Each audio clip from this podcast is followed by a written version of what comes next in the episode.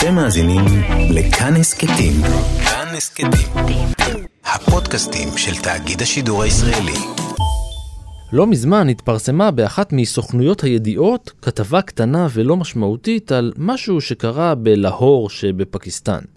תושבי העיר הגדולה הזאת, אחת הגדולות בעולם, הקימו פסלים בדמותו ולזכרו של מנהיג שבט טורקי מימי הביניים. למה הם עשו את זה? בגלל סדרת טלוויזיה.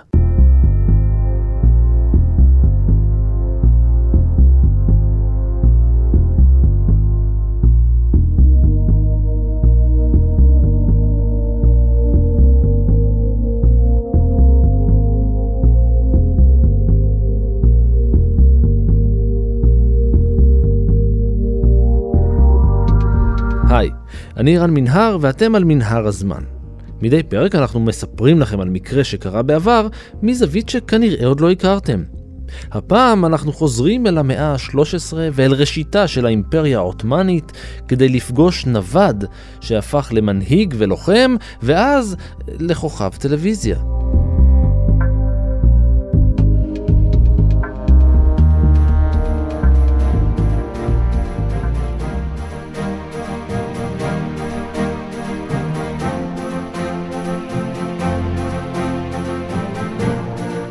מוחמד שחזד צ'ימה הוא מנהל של אגודת דיור פרטית באחת השכונות בלהור שבפקיסטן.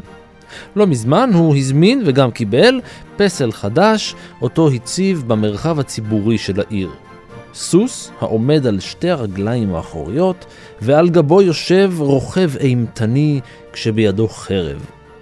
אנשים באים ממקומות מרוחקים רק כדי להצטלם סלפי עם הפסל שהוצב בכיכר, שאת שמה מתכוונים לשנות ולקרוא לה על שמו של אותו לוחם, ארתורול גזי, אביו של מייסד האימפריה העות'מאנית.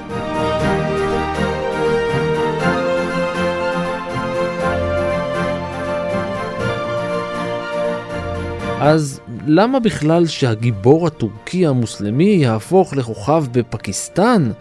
מה הקשר בין הטורקים והפקיסטנים? אה, בגלל דרמה טלוויזיה טורקית שמבוססת באופן כללי ביותר על חייו. मुझे घोड़सवारों और इनके घोड़ों की टापों की कसम मैं अपने अल्लाह से मदद का तलबगार הדרמה ההיסטורית הטורקית דיריליס אלטורול תחיית המתים ארטורול, שודרה בטורקיה משנת 2014 במשך חמש שנים. היא סיפרה את סיפורו של מנהיג שבטים טורקי שיצא למרחבי טורקיה וסוריה של היום כדי להילחם בשם האסלאם עם המונגולים, עם הצלבנים, עם הביזנטים, עם כולם. והפקיסטנים מתים על זה. सालिम अपने अंजाम को पहुंचेगा עוד רגע נחזור לפקיסטן ונראה מה הקשר ואיך הפכה הסדרה לדבר הכי חם במדינה הזאת, אבל לפני זה בואו נבין על מי אנחנו מדברים.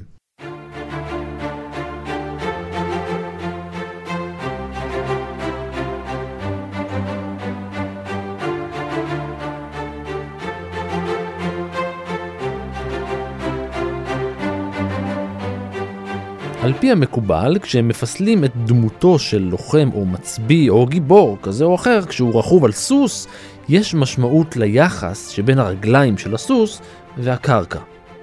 אם הסוס עומד על שתי רגליו האחוריות, סימן שהרוכב מת במהלך קרב. אם כל ארבע הפרסות נמצאות על הקרקע, הוא מת בנסיבות אחרות, לא בקרב. אם רק רגל אחת באוויר, הלוחם נפצע בקרב. לא ברור אם מדובר באגדה אורבנית או במנהג מקובל, אבל פסלו של ארתורול מציג אותו על גבו של סוס, כששתי רגליו הקדמיות באוויר. זאת אומרת שהוא נהרג בקרב, אבל זה לא ממש ברור. טוב, אני חושבת שבתרבות המערב זה משהו שאנחנו רואים אותו הרבה יותר, אנחנו רואים ככה פסלים של אנשים אה, מפורסמים, כל מיני גנרלים בכל מיני מקומות. זוהי רוני אגסי, דוקטורנטית בחוג לאסלאם ומזרח תיכון באוניברסיטה העברית.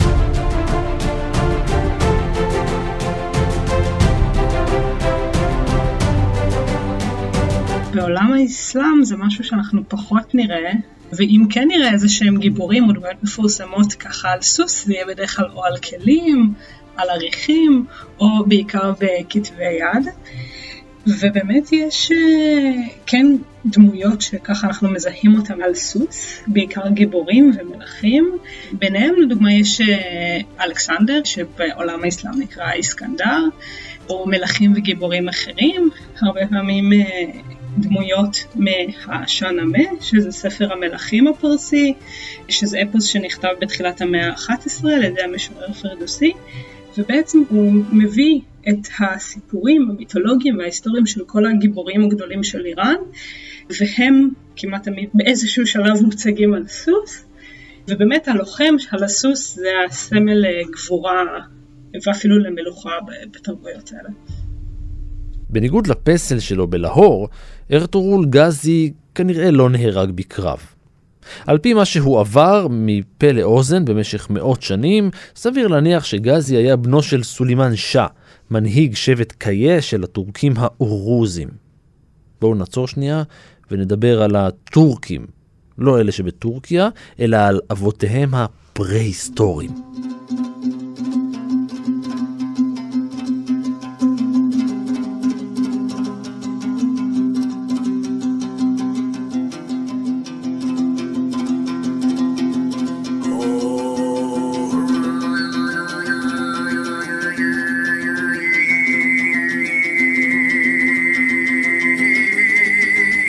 אנטוליה, או אסיה הקטנה, הוא חצי אי עליו חיה ונושמת טורקיה של היום.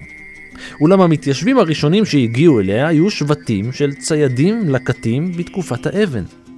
השבטים הטורקים הראשונים חיו אי שם בין מרכז אסיה וצפון מערב סין לפני אלפי ועשרות אלפי שנים. כנראה הם הגיעו במקור מאזור שהוא היום בין דרום מונגוליה וצפון סין. הם היו חבר'ה חקלאיים בעיקר, אבל בגלל שהשתדלו לא למות ברעב, הם הפכו לנוודים.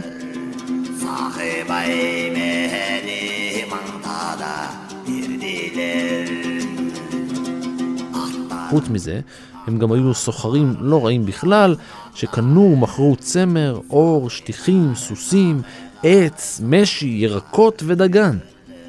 הם התפשטו במרחב כולו. בעיקר במרכז אסיה ובמערבה, גם באנטוליה.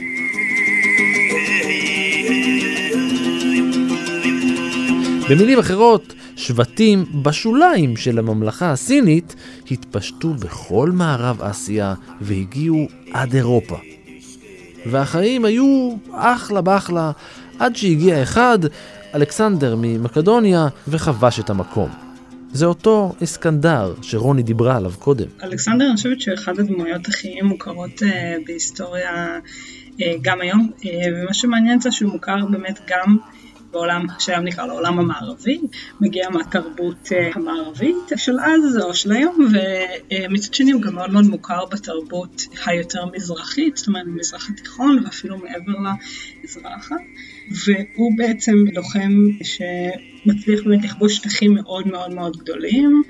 ובמאה הרביעית לפני הספירה הוא כובש גם את אזור איראן, הוא באמת כמו שאמרת מגיע מהאזור של מקדוניה, אז מה אנחנו לחשוב כאילו כמה זה רחוק, ובאמת למרות שמדובר במישהו שהוא לא מקומי, הוא הופך להיות במרוצת הזמן מזוהה כאיזשהו גיבור איראני, וחלק מהמסורת הערבית, חלק מהמסורת הפרסית, והוא מוכר בשם איסקנדר, וכמו במערב, גם בתרבויות האלה נכתבו עליו כל מיני סיפורים, גם בפרסית, גם בערבית, יש אפילו טענה שהוא מופיע בקוראן, אבל לא בשם שלו, לכן זה כזה נתון לפרשנות. הוא מזוהה כדמות איראנית לחלוטין, לדוגמה, במפוס האיראני, כמי שהוא חצי מקדוני, חצי איראני, ולכן בעצם אמור להיות שליט uh, מקומי. אז ככה שהדמות שלו בעצם מאוד מאוד משתנה, ואולי אנחנו הרבה פעמים רגילים לשמוע את זה יותר מהזווית של כן, הוא היה שליט יווני, הלניסטי, משהו כזה, אבל הוא גם היה לא פחות מזה שליט אה, של הצד המזרחי. אלכסנדר מוקדון כבש את חצי האי אנטוליה בשנת 334 לפני הספירה, והפך את כל המרחב למתייוון. ותושבים מאירו-אסיה התנחלו במקום. התוצאה? תוך 200 שנה בערך, כל השפות של המתיישבים המקוריים נעלמו כלא היו. רק השם נשאר. טורק, שהוא שיבוש של הכינוי הסיני טוג'ו והשם היווני טירקה. השפה הטורקית אולי נעלמה, אבל השבטים הטורקים המשיכו להתקיים בעיקר ממזרח. הם המשיכו לשגשג מעבר לגבולות ממלכתו של מוקדון, ושרדו גם אחרי, ואפילו עד היום, למשל בשם המדינה טורקמניסטן. אז הכל היה יופי, והטורקים המשיכו לשלוט על עצמם בממלכות קטנות וגדולות, בשבטים עם כוח פוליטי עצום, וגם בחברות קטנות יותר, ומילאו את המרחב כולו בין סין ומונגוליה ובין הים התיכון.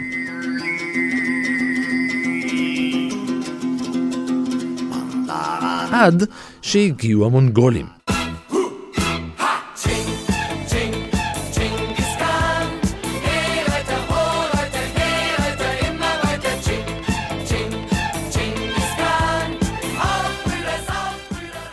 המונגולים הם ללא ספק אחד הכוחות שגם היום ככה כולם אה, חושבים על ג'ינגס חאן וכמה שהוא היה כובש אכזר וכמה שהמונגולים היו אה, כאלה מוצלחים, אה, שבאמת יש הרבה הרבה אמת בדברים האלה. אני חושבת שנחשבים לכובשים הכי מוצלחים בהיסטוריה.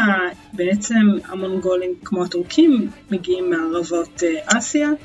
ומה שקורה זה שלקראת סוף המאה ה-12 כל השבטים באזור של הערבה והיערות בצפון סין מתאחדים תחת אותו ג'ינגיס חאן שהוא בעצם מנהיג אה, מקומי, הם מצליחים להכניע קבוצות שבטיות אחרות שפועלות באזור סין. ובתחילת המאה ה-13 הם אה, בהדרגה מתחילים לפעול לא רק בסין אלא גם פונים מערבה. ובהדרגה הם מצליחים לכבוש את אזור איראן, הקווקז ורוב אנטוליה כשב-1200 58 הם גם כובשים את העיר בגדד, שהיא הבירה של החליפים העבאסים, בעצם המרכז של השלטון המוסלמי באותה תקופה, וזה בעצם אחד האירועים החשובים שמובילים לסיום השלטון המוסלמי הזה שפעל במשך כמה מאות שנים. האימפריה המונגולית הייתה האימפריה היבשתית הרציפה הגדולה ביותר בהיסטוריה של המין האנושי. בשיא שלהם, המונגולים שלטו על כל השטח שבין יפן ומרכז אירופה, בואכם הודו בדרום והחוג הארקטי בצפון.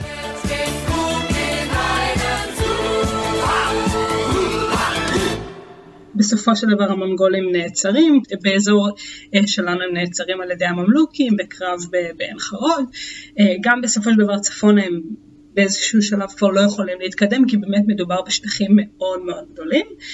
והם מקימים בעצם אימפריה, זאת אימפריה גדולה מדי, הם לא יכולים לשלוט בכולה, הם מחלקים אותה לארבע ממלכות קטנות יותר, שכל אחת מהן היא אימפריה מכובדת בפני עצמה, ובעצם בכל אחת מהארבע מדינות הקטנות יותר מתקיים שלטון של הצאצאים של ג'ינגיס חאן, חלק מהמקומות למשך יותר זמן, חלק מהמקומות פחות זמן, אבל זה בעצם יוצר איזשהו סדר אה, עולמי חדש בכל אה, אסיה. מסעות הכיבושים של המונגולים לכיוון מערב דחקו את השבטים הטורקים שנמלטו ממערב אסיה אל אנטוליה. בפעם השנייה, הטורקים נכנסו אל חצי האי מאסיה, ועכשיו כבר די ברור למה האזור הזה נקרא אסיה הקטנה.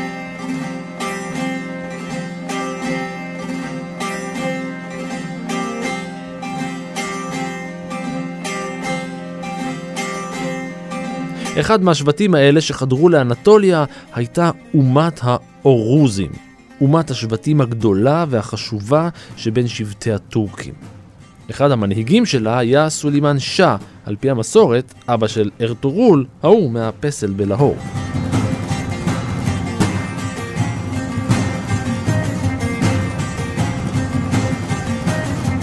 הסדרה הטורקית על ארטורול מבוססת על חייו בצורה מאוד רופפת, והבידיון שולט בה הרבה יותר מהאמת ההיסטורית.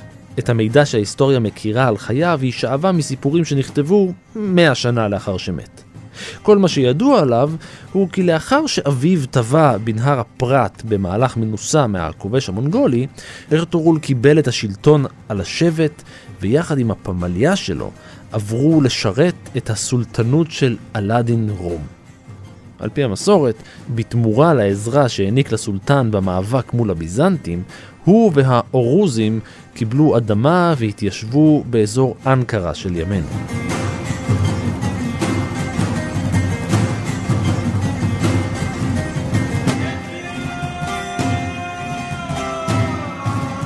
קודם כל המצב בתקופה הזאת באנטוליה באמת מצב מאוד מאוד מורכב ויש אה, כוחות שונים שמגיעים לאזור. בתקופה הזאת אה, בעצם יש לנו גם נוכחות טורקית מאוד מאוד משמעותית, הטורקים המוסלמים לפחות מגיעים במאה ה-11, הם מקימים סולטנות. הסלג'וקים, מקימים את הסולטנות של רום, ובעצם זה פעם ראשונה שיש נוכחות מוסלמית באזור של אנטוליה, שמאז בעצם הולכת וגדלה עם הזמן. עוד רגע נדבר על הכיבוש המוסלמי. היושבים המקומיים של אנטוליה שהם בעצם הביזנטים, שהם יוונים אורתודוקסים, בהדרגה נדחקים ככה כל פעם עוד ועוד ועוד מערבה. ובאמת בעקבות הנוכחות המונגולית, בעקבות הפלישות המונגוליות, מגיעים שבטים חדשים של טורקים מאזור מרכז הערבות אסיה. המונגולים הם הכוח החזק ביותר שמגיע ממזרח. הם ממש מגיעים ככה לאזור הגבול של אנטוליה ממזרח. יש את הנוכחות הטורקית של אותם סלג'וקים, שכבר בשלב הזה הכוח שלהם דועך באופן משמעותי. יש נוכחות של שבטים טורקים חדשים, שזה עתה הגיעו לאזור. וכאמור מערבה נמצאים הביזנטים. עכשיו הביזנטים בתקופה הזאת בעצמם יש להם בעיות בינם לבין עצמם, גם בעיות שלהם מול שאר אירופה, יש מסע צלב שככה מציק להם אה, צפון, ובמקביל גם יש להם, במאה השנים שלפני זה הם חוו סכסוכים פנימיים על השלטון, ככה שבתקופה הזאת זה לא בדיוק תקופת השיא שלהם, גם צריך לזכור שהביזנטים קיימים כבר אלפי שנים בשלב הזה, לכן בין היתר כנראה קל לעות'מאנים שנמצאים יחסית קרוב לשטח הביזנטי בתחילת דרכם להשתלט על האזור ולבסוף להכניע את הביזנטים. מצד שני לקח עוד 150 שנה עד שהם הצליחו לעשות את זה באופן סופי.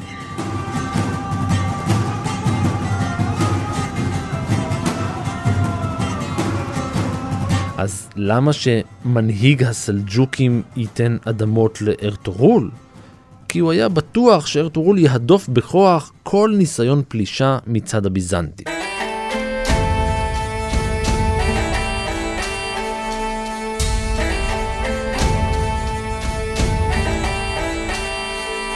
ארתורול זכה לכינוי גזי, לוחם גיבור, וקיבל לידיו את העיר סוט, שזה ערבה בעברית, על גבול האימפריה הביזנטית.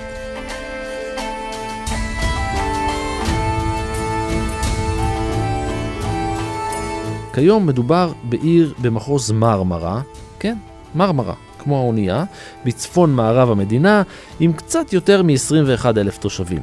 היא חשובה ביותר להיסטוריה של הטורקים. ולמה?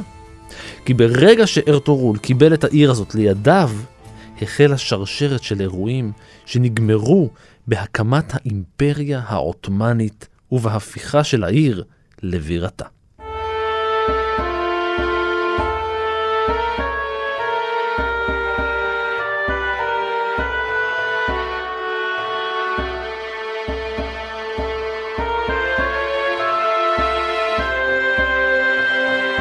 מתישהו בשנות ה-50 של המאה ה-13, בשנת 1254 או 5, אולי ב-1258, נולד לארתורול ואשתו חלימה בן בעיר סוט. הם קראו לו עות'מן, שזה שיבוש של השם הערבי עות'מן, שיש לו שתי משמעויות. אחת היא צאצא של ציפור חזקה ומהירה, והשנייה היא נחש חכם, אדיר ומחושב. חלק מחוקרי ההיסטוריה טוענים שהשם איתו נולד הוא אטמן, או אטמן, והוא שונה בדיעבד. כשבעצם האסלאם התפשט, הטורקים הם לא נכבשים. זאת אומרת, הכיבושים נעצרים באזור איראן, ובעצם הטורקים אין להם מגע ישיר עם עולם האסלאם, כן הם חולקים איתו גבול, אבל זה לא כיבוש ישיר. ולמעשה הטורקים ככה מתחילים להיכנס לעולם האסלאם בשלב יותר מאוחר. הטורקים כמו המונגולים הם גם נוודים אה, שמגיעים מערבות אסיה, שבעצם היחידות שלהם יחידות שבטיות, חיים באורח חיים נוודי. הם כן יכולים להקים אימפריות, מקימים אימפריות, אבל אלה באמת אימפריות שלא מחזיקות הרבה מאוד זמן. ובגלל התנאי שטח הקשים, בגלל באמת השינויים המאוד תדירים בין אימפריות ושבטים, נוצר אווירה פוליטית תחרותית מאוד בין השבטים הטורקים והנערים הטורקים חונכו בגיל מאוד מאוד צעיר להיות לוחמים השתמשו בחץ וקשת, רכבו על סוס, קצת באמת בדומה למונגולים. והטורקים נכנסים פעם ראשונה לעולם האסלאם בעצם כעבדים, עבדים צבאיים. מי שמביא אותם בהתחלה זה באמת השלטון הבאסי, החליפים, השלטון שהוא בעצם שלטון אה, ערבי מוסלמי. בעצם מה שקורה שאותם לוחמים בדרך כלל מתאסלמים, כי כמובן לא יכול להיות לא מוסלמי, והרבה פעמים משחררים אותם אחרי אה, תקופה מסוימת של שירות, והם נשארים תחת שלטון אה, המוסלמי באזור עיראק בהתחלה, ואחר כך התופעה הזאת מתרחבת גם לכל מיני שליטים מקומיים שמחזיקים להם צבא של טורקים, אז ככה שזה השלב הראשון, שבו בעצם טורקים הופכים להיות מוסלמים והם מתיישבים בתוך עולם האסלאם. השלב היותר משמעותי הוא אחרי אמצע המאה העשירית, במיוחד במאה ה-11, כשבעצם שבטים טורקים מהגרים אל תוך איראן ומשם מתפשטים הלאה. מה שמיוחד פה זה שבאמת בניגוד לשלב הקודם שבו הם הגיעו כעבדים והם לא היו מוסלמים, בשלב הזה אה, הטורקים שנכנסים הם בעצם ממש יחידות שבטיות שלמות, שכוללים גם לוחמים אבל גם אה, אנשים אה, פשוטים נקרא לזה, והם כבר מוסלמים. זאת אומרת המגעים האדוקים שיש בין עולם האסלאם לבין האזור שבו הם חיים גורמים לכך שהאנשים האלה כבר נכנסים לאזור הזה כשהם מוסלמים. אנחנו לא יודעים לגמרי למה הם הגיעו, אם זה נובע מסכסוך פנימי שלהם, או עם איזשהו משבר אקלימי שהוביל לדרישה לשטחי מרעה חדשים, אבל אנחנו יודעים שהם באמת מתחילים להיכנס לאזור איראן. בעצם מי שתופס ככה את ההנהגה של אותם שבטים טורקיים שמגיעים, זה המשפחה הסלג'וקית, בראשה עמדו שני אחים, הם הנכדים של סלג'וק, אה, של שמו קרויה השושלת. ב-1040 הם מכניעים את השליטים, השליטים מקומיים באזור חורסן, שזה במזרח איראן, ובעצם זה מאפשר להם להיכנס אל תוך איראן ומשם להתפשט הלאה. וב-1055 הם בעצם נכנסים לעיר בגדד, הבירה, שם יושבים החליפים העבאסים, והם בעצם בפועל משתלטים על השלטון. זאת אומרת, יש לנו עדיין את השליט ה... הערבי המוסלמי, החליף, שיש לו תפקיד פוליטי ותפקיד דתי, אבל בפועל מי ששולט במדינה הם אותם סלג'וקים, אותם מוסלמים יחסית חדשים, כנראה כמה דורות, והם בעצם הופכים להיות השליטים של שטחים מאוד מאוד גדולים, שבעצם מי שחי בהם זה אותם מוסלמים מיושבים שחיו בהם. עם מותו של ארתורול בגיל 83 עלה עות'מן וירש את תפקידו בשנת 1281. הוא היה רק בן 24 והוא הפך לביי, מנהיג הטורקים בסוף.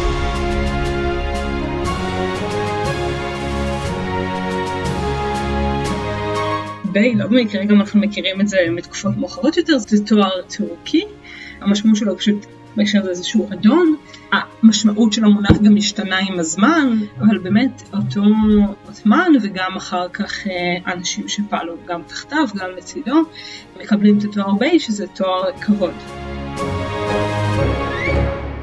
אבל זה לא הספיק לו לעות'מן. הוא רצה שהשבט שלו ישלוט לא רק על עיר אחת או על מחוז אחד, אלא על מדינה שלמה. אז, במאה ה-13, אנטוליה נחלקה בין האימפריה הביזנטית במערב והסלג'וקים ברמה המרכזית. שיווי המשקל ביניהם שובש בשל הפלישה המונגולית.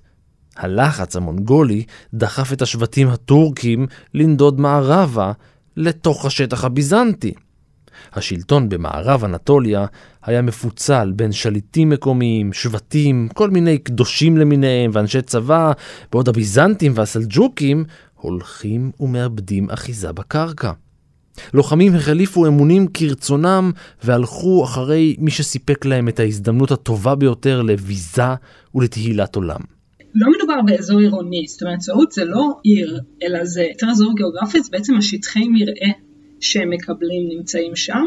העות'מאנים, בכלל כל הטורקים שמגיעים אה, בשלב הזה ממזרח הם נוודים, זאת אומרת הם חיים עדיין באורח החיים הנוותי, השבטי שלהם, הם ממשיכים לראות את הצאן שלהם, בראש שלנו אנחנו נורא חושבים על זה שכן, כאילו יש ערים ושם חיים האנשים, לא, הלכו והתיישבו ככל שהזמן עבר, אבל אה, זה לחלוטין היה אה, משהו הרבה יותר נוודי וכפרי ממה שאנחנו חושבים. עות'מאן חבר לאחד ממנהיגיו הדתיים של האזור, השייח' אדבאלי, ונשא את ביתו. באחד הלילות, מספרת האגדה, בעודו ישן בביתו של השייח, חלם עות'מאן חלום.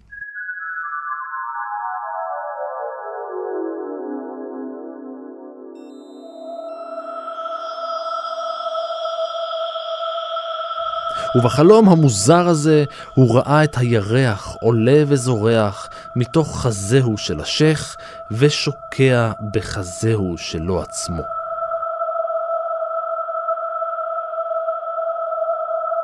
הוא חלם על עץ שנובט וצומח מתוך הטבור שלו ומטיל צל על העולם כולו. תחת הצל שלו התנשאו הרים וזרמו נחלים שהשקו אנשים וגנים.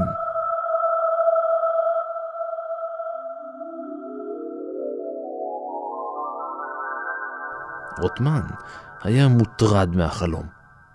כשסיפר אותו לאבא של אשתו, הוא הרגיע אותו והסביר לו שהאל הכל יכול נתן לו את תפקיד השליט העליון, לו ולצאצאיו. אה, אה, כן, וגם לאשתו, שבמקרה היא הבת של השייח.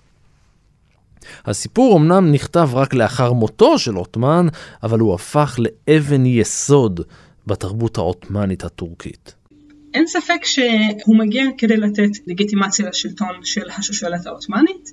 בהתחלה, במאה ה-14, כשעות'מאן רק מתחיל את הפעילות שלו, העות'מאנים הם כוח אחד גם לא הכי חזק, שנמצא באזור אנטוליה. יש המון שבטים טורקים אחרים שהם הרבה יותר מוצלחים בשלב הזה.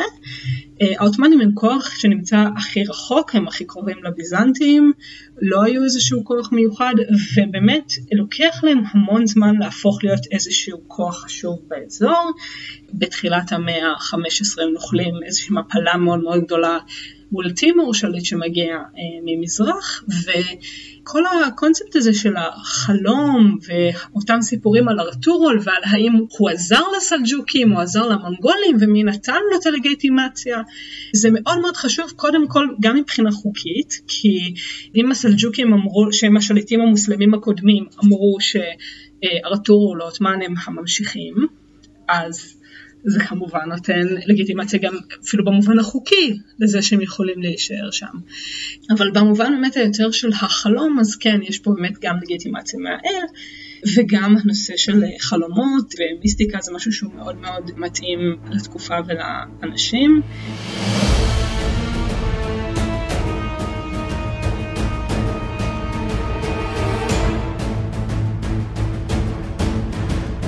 שום דבר לא ידוע בוודאות בנוגע לפעילותו המוקדמת של עות'מאן. ממלכתו הקטנה של עות'מאן נתמכה על ידי שבטים נוודים של טורקים, אותם הוביל לפשיטות.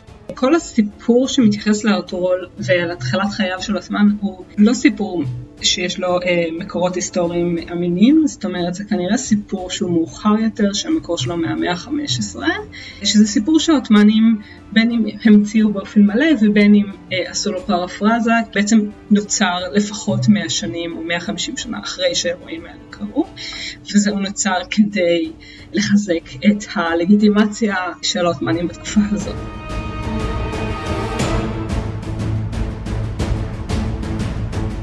הקשר בין עות'מאן והשבטים שלו לא התבסס על קשרי דם, אלא על חיסיון פוליטי. כל מי שרצה להצטרף, גם אם היה ביזנטי במקור, יכול היה לעשות את זה.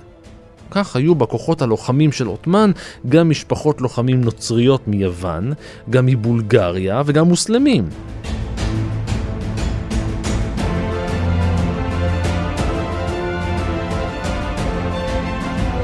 האסטרטגיה שלו הייתה פשוטה, להגדיל את השטח של הממלכה שלו על חשבון הביזנטים ולא להסתכסך עם השכנים הטורקים.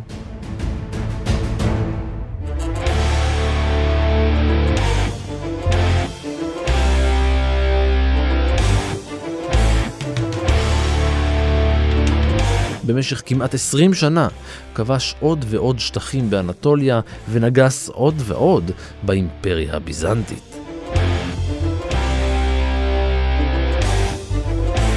ואחרי 18 שנות שלטון, ב-1299, הכריז עות'מאן על עצמאות.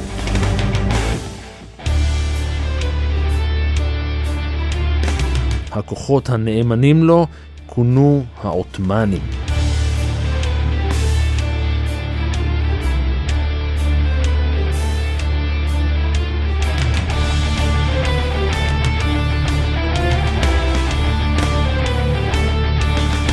תוך שנתיים הם הטילו מצור על העיר ניקאיה, פשטו מדי פעם על העיר בורסה, צרו על עיר הנמל ניקומדיה ואיימו לתקוף אותה.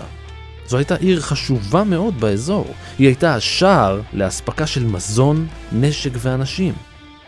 הקיסר הביזנטי, מיכאל התשיעי, היה חייב לעשות משהו.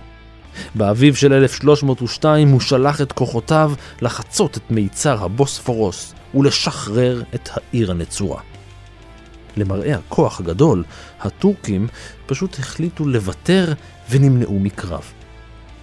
למרות שהקיסר היה מעוניין בעימות צבאי ובניצחון, מפקדי הצבא המליצו לו להימנע.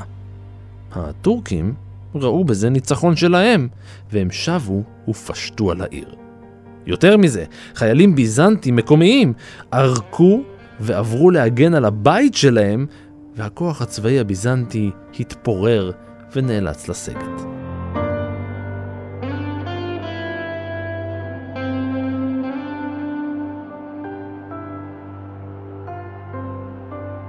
באמצע הקיץ של אותה השנה שלח אביו של הקיסר, אנדרוניקוס השני, כוח ביזנטי נוסף.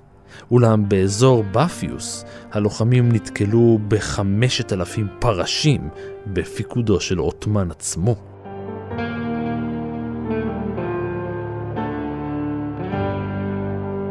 עות'מאן ופרשיו ניצחו כמעט בלי קושי.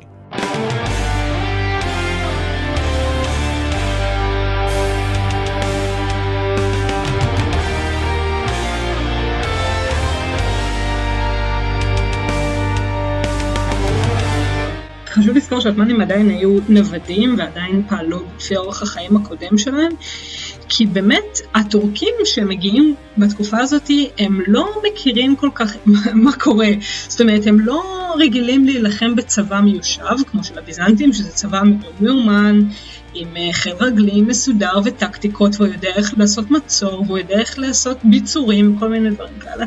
עות'מאן ואנשיו לא יודעים כל כך איך לאכול את זה, הם לא יודעים איך להטיל מצור לדוגמה. הסיבה נגיד שהמונגולים הצליחו כל כך יפה זה כי לג'ינגס חאן ולצאצאים שלו היה כוח אדם עצום. לעות'מאנים אין כוח אדם עצום, הם לא איזשהו אה, כוח אה, ענק שמגיע ככה ממזרח להסתער על המערב, הם באמת כוח מקומי קטן ואין להם את הטקטיקות המתאימות למלחמה. זה היה הניצחון המשמעותי הראשון של העות'מאנים. הביזנטים איבדו את השליטה באזור הזה, נסוגו וברחו בהדרגה מאנטוליה.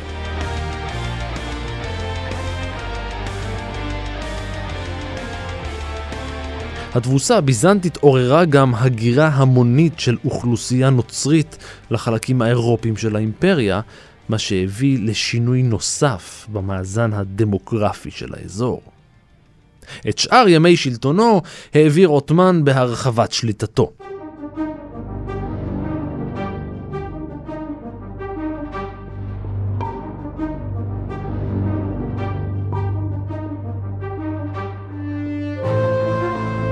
בשנת 1308 הוא כבש את עיר החוף הביזנטית האחרונה אפסוס על יד הים האגאי, כשצבאו של עות'מאן כלל בעיקר לוחמים רכובים. העיר הגדולה הראשונה שנכבשה על ידיהם בתוך אנטוליה הייתה בורסה, שנכנעה לאחר מצור ממושך. הניצחון בבורסה התגלה כחיוני ביותר עבור העות'מאנים, שכן העיר שימשה בסיס להתקפות נגד הביזנטים בקונסטנטינופול. ואחד הדברים המיוחדים לעות'מאנים, שכנראה גם סייעו להם אחר כך להחזיק מעמד ולהפוך להיות האימפריה שהם הפכו להיות, זה העובדה שעות'מאן כבר בשלב מוקדם מתחיל לשלב במערכת שלו, שזאת מערכת שבטית, זאת אומרת, הוא נבחר, הוא צריך להוכיח את עצמו, איך הוא מוכיח את עצמו, הוא כובש שטחים, הוא מגן על האנשים שלו, מבטיח שטחי מרעה חדשים. הוא מכניס לתוך המערכת השבטית הזאת כל מיני אדונים מקומיים, זאת אומרת אצילים ביזנטים, יוונים, אורתודוקסים שפעלו באזור שלידו, והוא בעצם מכניס אותם אל תוך המערכת שלו כחלק מהאנשים שלו, וזה גם מספק לו כוח אדם מאוד מאוד משמעותי, וגם ככה נותן לו כלים חדשים להבין איך להתמודד עם האיומים האלה. כי באמת האנשים שחיים באזור הזה מבינים שהישועה לא תגיע להם מהשלטון הביזנטי המרכזי בקונסטנטינופול. בשנת 1326, אחרי 27 שנות שלטון, מת עות'מן בן 68. בנו, אורהן, ירש את תפקידו והפך את בורסה לעיר הבירה של האימפריה העות'מאנית. אגב, אין שום קשר לבורסה לניירות ערך.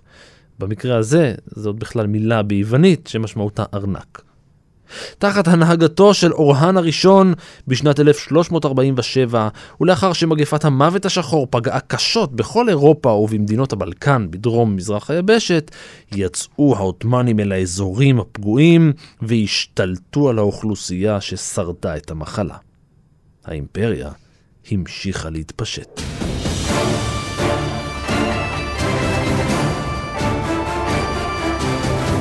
הביזנטים המשיכו להיחלש.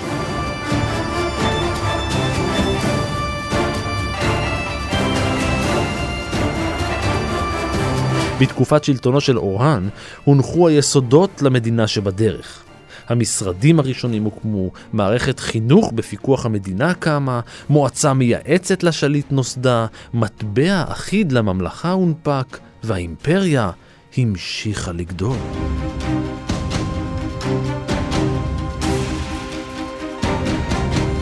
בגיל 80 הוא הלך לעולמו ופינה את הכס לבנו מורת הראשון, שהמשיך להגדיל את האימפריה העות'מאנית וטיפח יחסי חוץ עם מדינות שכנות, וגם אימץ את שיטת הכלכלה הווסאלית. אה, כמעט. כל המאה ה-14 היא מאה בהיסטוריה עות'מאנית לוטה קצת בערפל כי אין לנו הרבה מקורות עליהם, אבל uh, באמת מתחילה שיטה חדשה. Uh, חשוב להיזהר מלקרוא לה וסלים, כי כשאנחנו חושבים על וסלים אנחנו חושבים על המודל האירופאי, שבו אם מישהו הוא וסל, אז יש לזה השפעה הרבה יותר מכרעת על גורל העיקר הפשוט, שהוא בעצם כפוף גם מבחינה חוקית וגם מכל שאר הבחינות לאדון שלו. באימפריה העות'מאנית זה לא המצב, זה יותר שיטה לאיסוף מיסים ותשלום גורמי צבא. השיטה הזאת קוראים שיטת התימר. בעצם זה מגיע מאותו שינוי שהעות'מאנים מבינים שהם חייבים לעשות, הם חייבים שיהיה להם צבא מוצלח יותר, צבא יותר מקצועי, אה, כדי להילחם מול הביזנטים שכמו שאמרנו יש להם צבא מאוד מאוד אה, מיומן. ואחת השיטות לעשות את זה בעצם לספק לפרשים המיומנים שלהם קרקעות, הקרקע קראו לה תימר, הפרשים קראו להם סיפאים, כל אה, סיפאי בעצם היה מישהו שכבר נלחם יחד עם העות'מאנים, זאת אומרת, כבר הוכיח את עצמו כמישהו שיכול להנהיג ולהוביל בקרב. הוא קיבל איזושהי חלקת קרקע. עכשיו, זה לא שהוא עצמו היה העיקר, אלא הוא היה סוג של אדון, הוא בעצם קיבל את הזכות לגבות מיסים ממי שיושב בשטח הזה. וזה בעצם גם נתן לו קרקע וגם נתן לו בעצם משכורת, ואותם סיפיים אה, היו מחויבים להגיע לקרב כשנקראו לעשות זאת על ידי השליט. ובהרבה מאוד מקרים גם היו צריכים לספק עוד חיילים נוספים, זאת אומרת לדאוג לאמן ולהכשיר חיילים נוספים שיבואו איתם, וגם בעצם ככל שהמדינה העות'מאנית גדלה, ככה גדלו שטחי התימר, וברגע שהם כבשו שטח חדש, הוא מיד הפך להיות שטח של תימר, וככה הוא בעצם הכניסו שטחים חדשים שכבשו לתוך המדינה העות'מאנית הגדלה, וזה הקל על תהליך האינטגרציה של שטחים חדשים בתוך המדינה. תחת בנו של מורת הראשון, מהמד הכובש, הסתיים שלטונה של האימפריה הביזנטית בכיבוש קונסטנטינופול. במהלך המאות ה-16 וה-17, תחת סולימן המפואר, כבר הייתה האימפריה העות'מאנית אימפריה רב-לאומית, וחלשה על שטחים אדירים ממרכז אירופה ועד מערב אסיה, הקווקז, צפון אפריקה וגם קרן אפריקה. 32 פרובינציות וכמה וכמה מדינות צמיתות.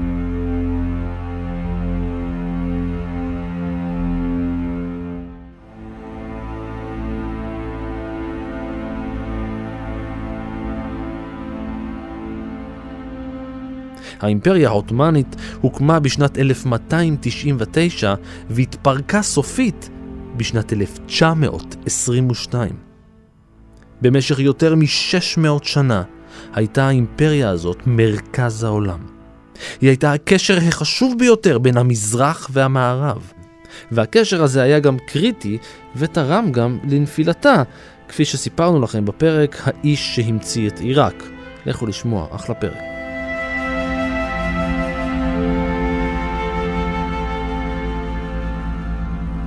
במהלך תקופה ארוכה של שקט, משנת 1740 עד 1768, המערכת הצבאית העות'מאנית לא עמדה בקצב החידושים הטכנולוגיים ופיגרה אחרי שאר העולם.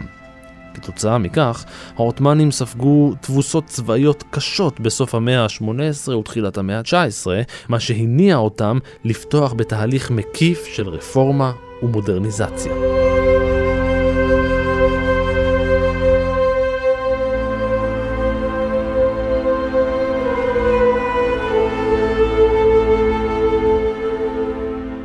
במאה ה-19 קיבלה המילה טורק משמעות חדשה, איכרים עצמאיים. לקראת סוף המאה, כשהמעמדות העות'מאנים העליונים אימצו רעיונות לאומניים אירופיים, המונח טורק קיבל קונוטציה חיובית יותר.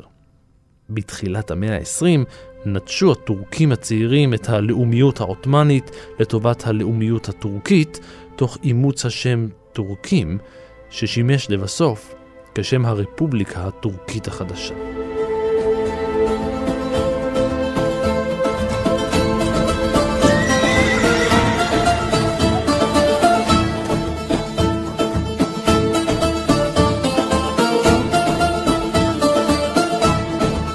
באפריל 2020 החלה רשת הטלוויזיה הפקיסטנית PTV לשדר את פרקי הטלוויזיה הטורקית אודות ארטורול גזי, ומאז הפכה הסדרה לתוכנית הנצפית ביותר ששודרה שם אי פעם.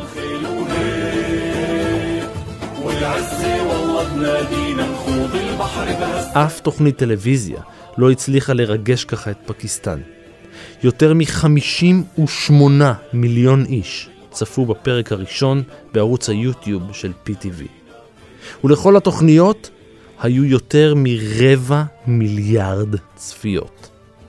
מנכ"ל הערוץ אמר שזו הגרסה הטורקית למשחקי הכס.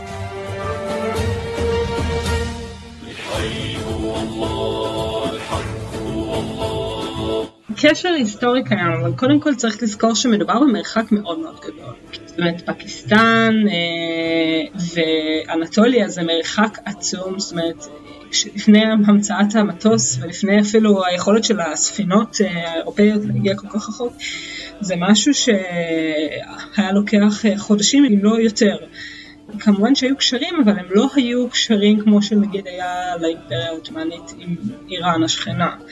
כן, מבחינה היסטורית, מי ששולט נגיד באזור פקיסטן של היום זה האימפריה המוגולית, אה, שגם הם, בדומה לעות'מאנים, הם טורקים, והם חולקים הרבה מאוד מאפיינים דומים, זאת אומרת, אה, הרקע בסופו של דבר הוא די דומה, הם מגיעים מאורח חיים שבמקורו הוא נוודי שבטי שמתפתח עם הזמן ובעצם אלה ממלכות שיש בהן שליטים טורקים, שפת החצר בין היתר היא פרסית ויש להם המון מאפיינים תרבותיים דומים מעבר לזה שהם כמובן שניהם מוסלמים. וגם יש להם הרבה פעמים גם אויב משותף, שזה האיראנים שיושבים באמצע, אז ככה שיש אינטרס לפיתוח יחסים דיפלומטיים. מוחמד ג'הזד צ'ימה, מנהל חברת הדיור השיתופי בלהור שבפקיסטן, סיפר שהוא הכיר את הדמות עוד לפני הסדרה. קיבלתי את הרעיון להציב פסל בגודל טבעי של הגיבור הזה כדי לקדם את האידיאולוגיה הנכונה של האסלאם דרך תורת לוחמינו הגדולים בדורנו הצעיר. הוא אמר באחד הראיונות איתו, הפסל הוא תזכורת לאהבתנו לסולטנות העות'מאנית ולג'יהאד שביצע ארטורול והביא לנו המוסלמים כבוד בכל העולם. אגב, עוד פסל של ארטורול כבר הוכן ובקרוב יוקם בצומת הראשי של השכונה.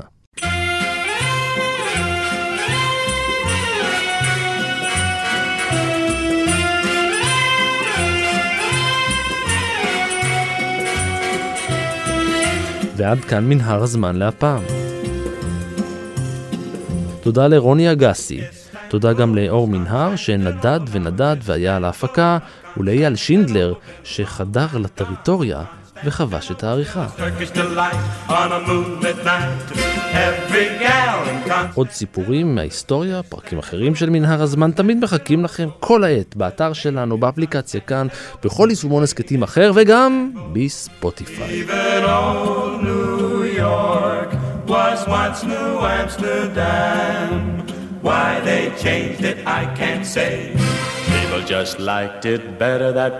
אתם מוזמנים להמשיך לעקוב אחריי ברשתות החברתיות, בפייסבוק ובטוויטר, להגיב, להציע רעיונות. אתם מוזמנים גם להציע את הרעיונות שלכם בקבוצת הפייסבוק כאן הסכתים. אנחנו קוראים הכל, עוקבים גם לפעמים בשקט.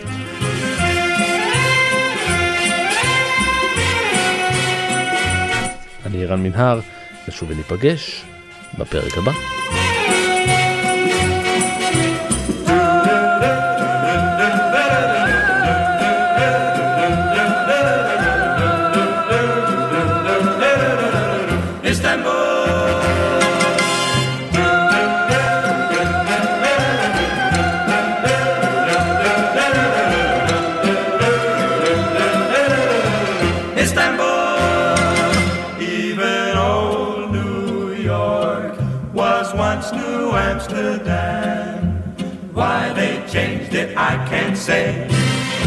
Just liked it better that way.